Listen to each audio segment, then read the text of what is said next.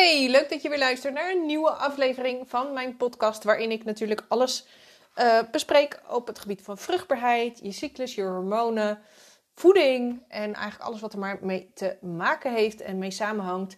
En um, vandaag ga ik het hebben over de mannelijke kant van het verhaal. Want dat is een aspect dat toch wel vaak een beetje over het hoofd wordt gezien als zwanger worden niet lukt. En dat is eigenlijk precies ook de titel van deze aflevering en waar ik um, vandaag met je wat dieper op inga. Want als het om wat voor reden dan ook niet lukt om zwanger te worden, dan is vaak de vrouw degene die aan de bel trekt en op onderzoek uitgaat wat zij kan doen om die zwangerschap wel voor elkaar te krijgen. Het is um, waarschijnlijk ook een heel logisch, biologisch um, verschijnsel. Hè? Want uiteindelijk zit natuurlijk uh, de drang tot voortplanten, het kinderen krijgen, vooral bij de vrouw uh, ingebakken. Die hebben vaak veel meer nog die behoefte aan, aan een baby krijgen, eh, verzorgen dan de man. Maar ook binnen de wetenschap wordt vaak eerst en vooral ook naar de vrouw gekeken. De onderzoeken bij de vrouw zijn ook veel uitgebreider dan bijvoorbeeld bij de man. En het lijkt daarmee dat de rol van de man een beetje wordt onderschat. Toch kan een man ook veel doen om de kans op een gezonde zwangerschap aanzienlijk te verhogen. En in deze aflevering deel ik onder andere met je wat typische mannelijke factoren zijn die in zwangerschap in de weg staan welke rol het mannelijke zaad nog meer heeft naast de bevruchting en wat een man kan doen om zijn vruchtbaarheid te verbeteren. Interessant misschien voor jou, maar zeker ook voor jouw partner wellicht als, um, ja, als uh, het zwanger worden bij jullie niet lukt, want ook hij heeft daar een absolute rol in. Um, de oorzaak van verminderde vruchtbaarheid ligt namelijk zowel bij mannen als bij vrouwen. En ongeveer 40% van de gevallen ligt het volledig bij de vrouw. In 30 tot 40% ligt het bij zowel de man als de vrouw. En in ongeveer 20% van de gevallen ligt het uitsluitend bij de man. Dus het is niet zo dat het, um, ja, dat het ook het vaakst voorkomt bij de vrouw. Um, en de laatste jaren zie je dat eigenlijk onze algehele vruchtbaarheid flink is gedaald en de kwaliteit van het mannelijk sperma is daarbij ook echt schrikbarend laag.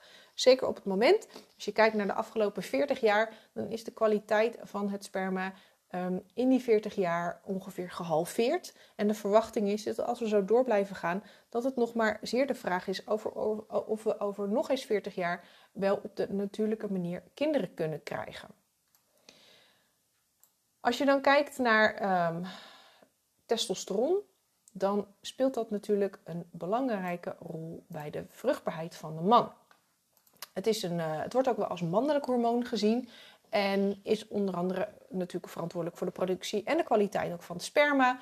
Um, maar over het algemeen is, die, is het sperma niet alleen betrokken bij de bevruchting op zich, maar speelt het dus ook een rol bij, nou ja, laten we zeggen, het voorbereiden of het programmeren van het vrouwelijk lichaam op die zwangerschap. En het beïnvloedt um, verschillende processen tijdens de zwangerschap om een gezonde ontwikkeling van die baby te ondersteunen.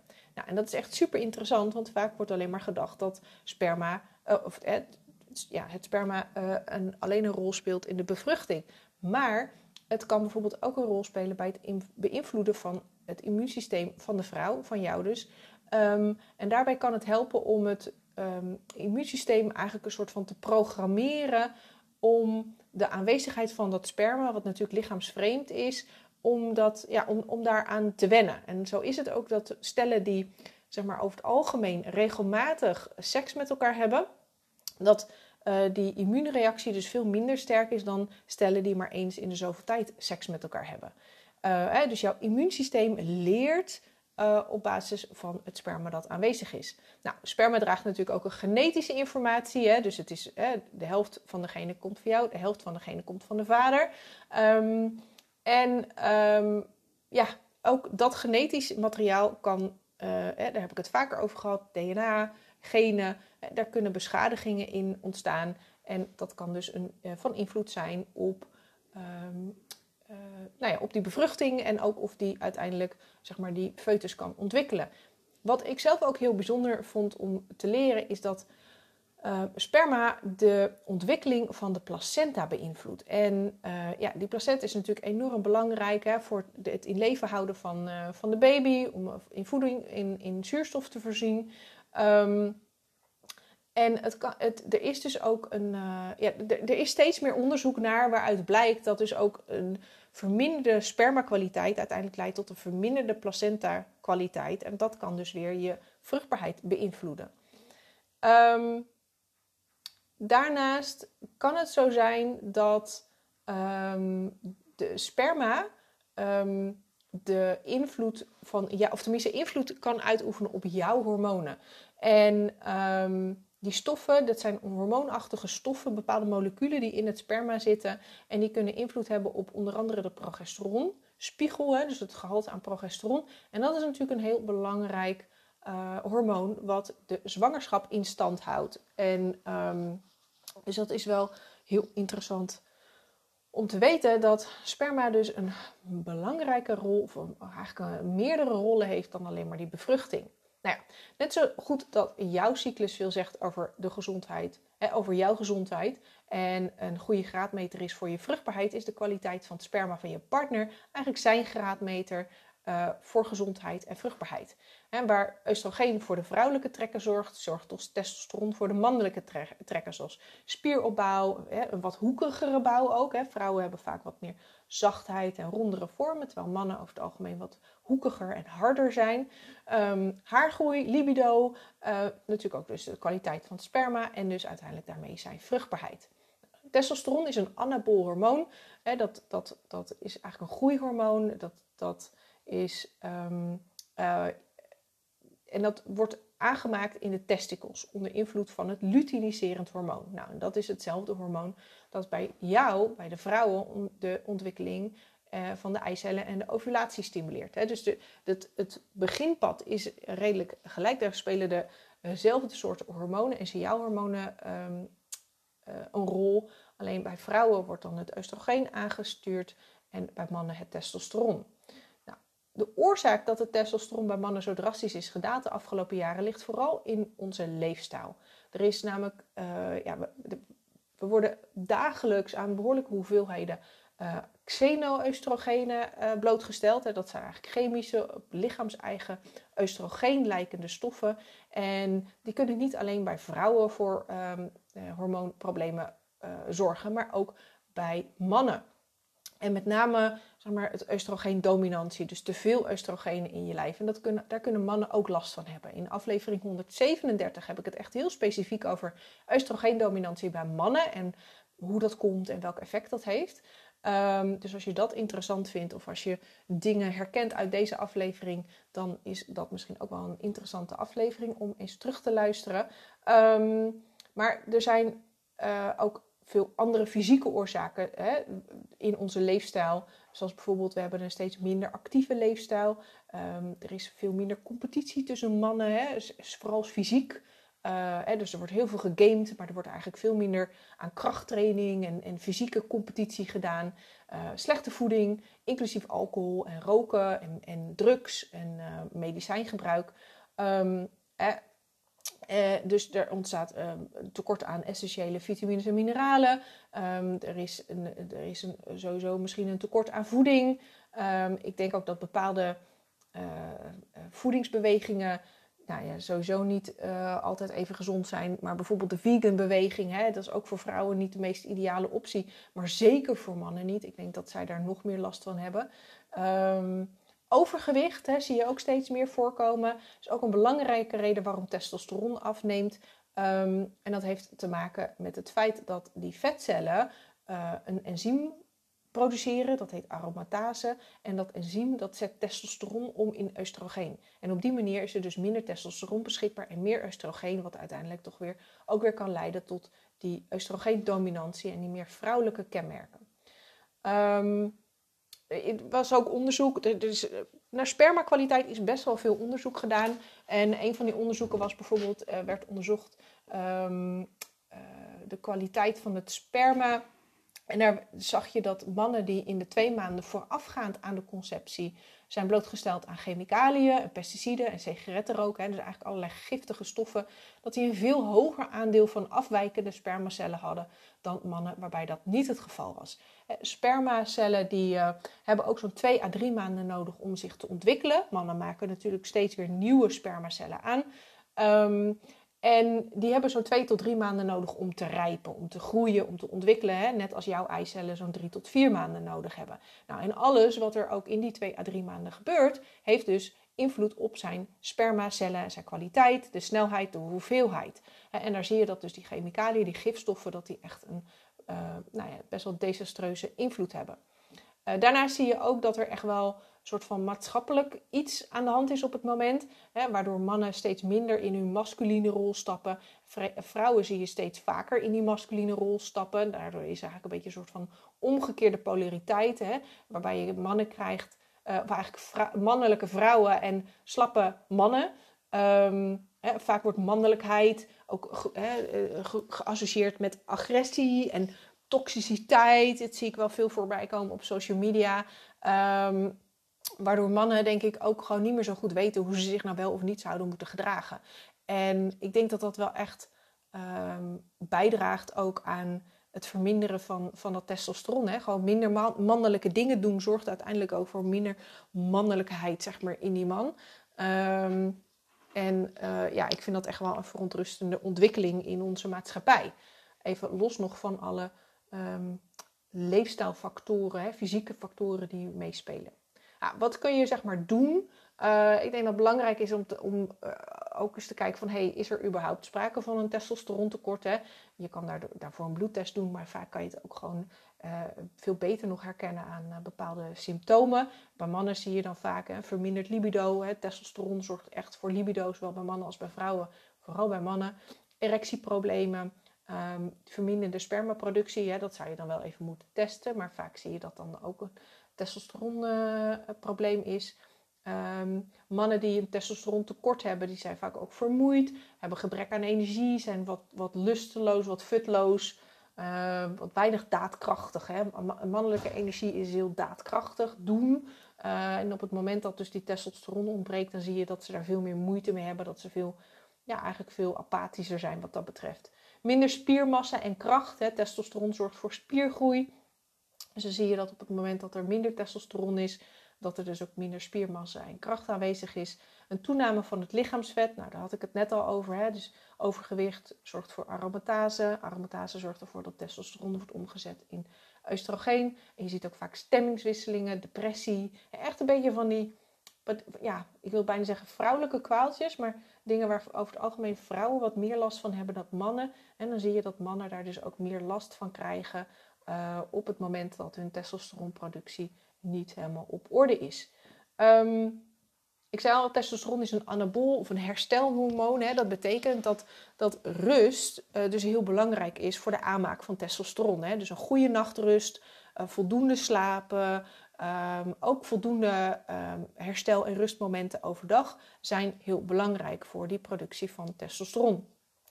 Wat een absolute killer is, ook voor zijn hormoonhuishouding, net zoals die voor jou, is stress. Chronische stress met name. Hè? Dus niet die, die af en toe stress, maar echt continue stress. Dat kan zijn doordat hij te weinig eet, te veel sport, misschien juist te weinig sport, um, slecht slaapt, te kort slaapt, um, alcohol drinkt, rookt, uh, stress op het werk. Weet je, eigenlijk alle stressoren die bij jou ook uh, voor een hormoonprobleem kunnen uh, zorgen, kunnen ook bij hem voor een probleem zorgen uh, voedingsstoffentekorten. Hè? Dus uh, vooral een tekort aan eiwitten, gezonde vetten, maar ook uh, essentiële micronutriënten zoals bijvoorbeeld vitamine C, zink, selenium en foliumzuur zijn voor mannen ook vaak een, ja, die zijn ook vaak tekort op het moment dat er een verminderde testosteronproductie is. Um, en de toevoegen daarvan, met name dus vanuit je voeding, kan ervoor zorgen dat dus ook zijn vruchtbaarheid verbetert. Uh, daarbij is het bijvoorbeeld ook heel belangrijk om die bloedsuikerspiegel stabiel te houden. dus, dus daar zie je dat ontregelde bloedsuikerspiegels of, of problemen rondom die insulineregulatie, dat dat vaak ook voor een verminderde vruchtbaarheid zorgt. Nou, het is ook belangrijk om voldoende calorieën binnen te krijgen. Hetzelfde geldt eigenlijk voor jou. dus dat op het moment dat we te weinig eten, stelselmatig te weinig eten, ja, dan zie je dat dus die, um, dat die hormoonproductie, dat eigenlijk het hele metabolisme uh, langzamer gaat draaien. En um, je krijgt ook gewoon te weinig hè, van de juiste voedingsstoffen binnen. Dus um, wat je wil is dat je voldoende eet, geen maaltijden overslaan, uh, goede combinatie, goede samenstelling van je maaltijden. En wat ook voor mannen heel erg belangrijk is, is intensieve krachttraining. Dus um, de echte, dat is, dat is natuurlijk ook een bepaalde vorm van stress. Maar dat zorgt er ook voor dat die spieren dat die, zeg maar, geactiveerd worden.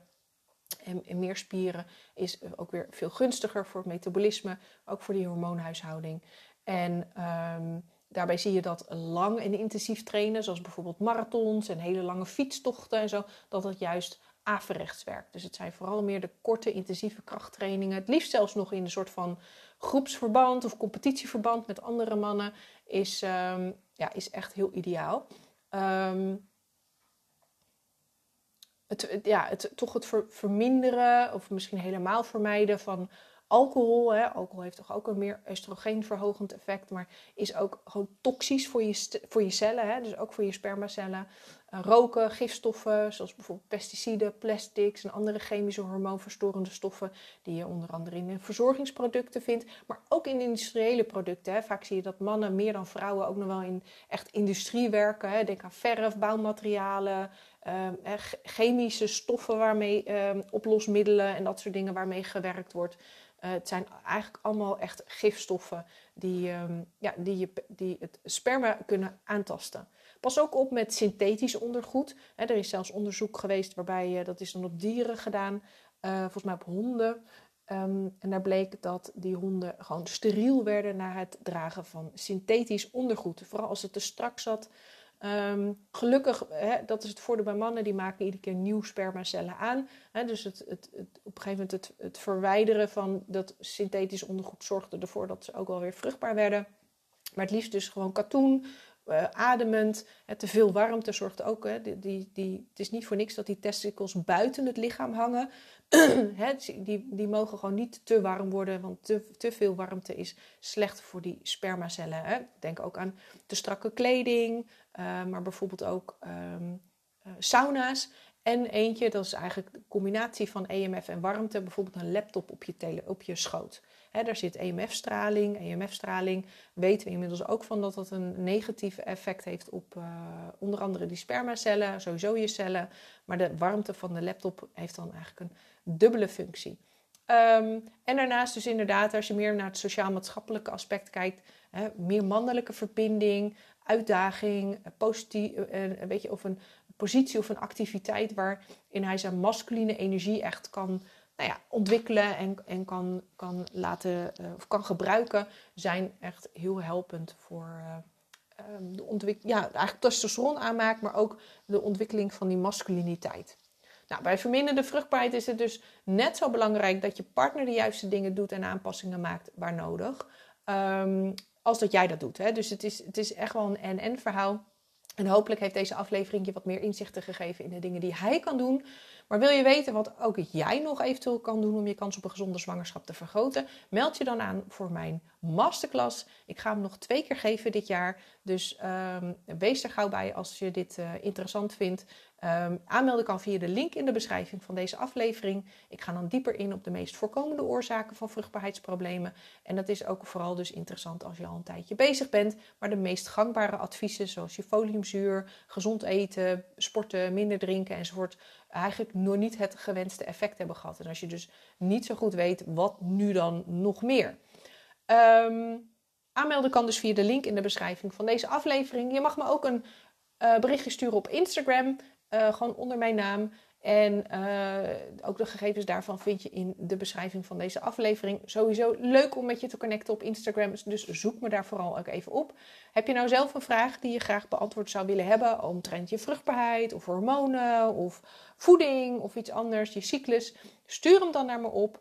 Uh, via de mail of via een berichtje op Instagram. Uh, want waarschijnlijk ben jij niet de enige die met die vraag rondloopt en kan je op die manier ook andere vrouwen helpen uh, om daar antwoord op te krijgen, omdat als ik hem in deze podcast ga uh, verder uitwerken. Nou, vergeet ook niet om je te abonneren op deze podcast. Dan krijg je namelijk een melding als er weer een nieuwe aflevering klaar, staat. Dit kun je simpelweg doen door op volgen of op het belletje te klikken bovenaan de podcast. En um, ja, voel je ook vrij om deze podcast te delen met iemand waarvan je denkt dat het zinvol is dat diegene deze aflevering luistert. Ik kijk er in ieder geval naar uit om van je te horen en hoop dat je natuurlijk ook de volgende aflevering er weer bij bent. Tot dan!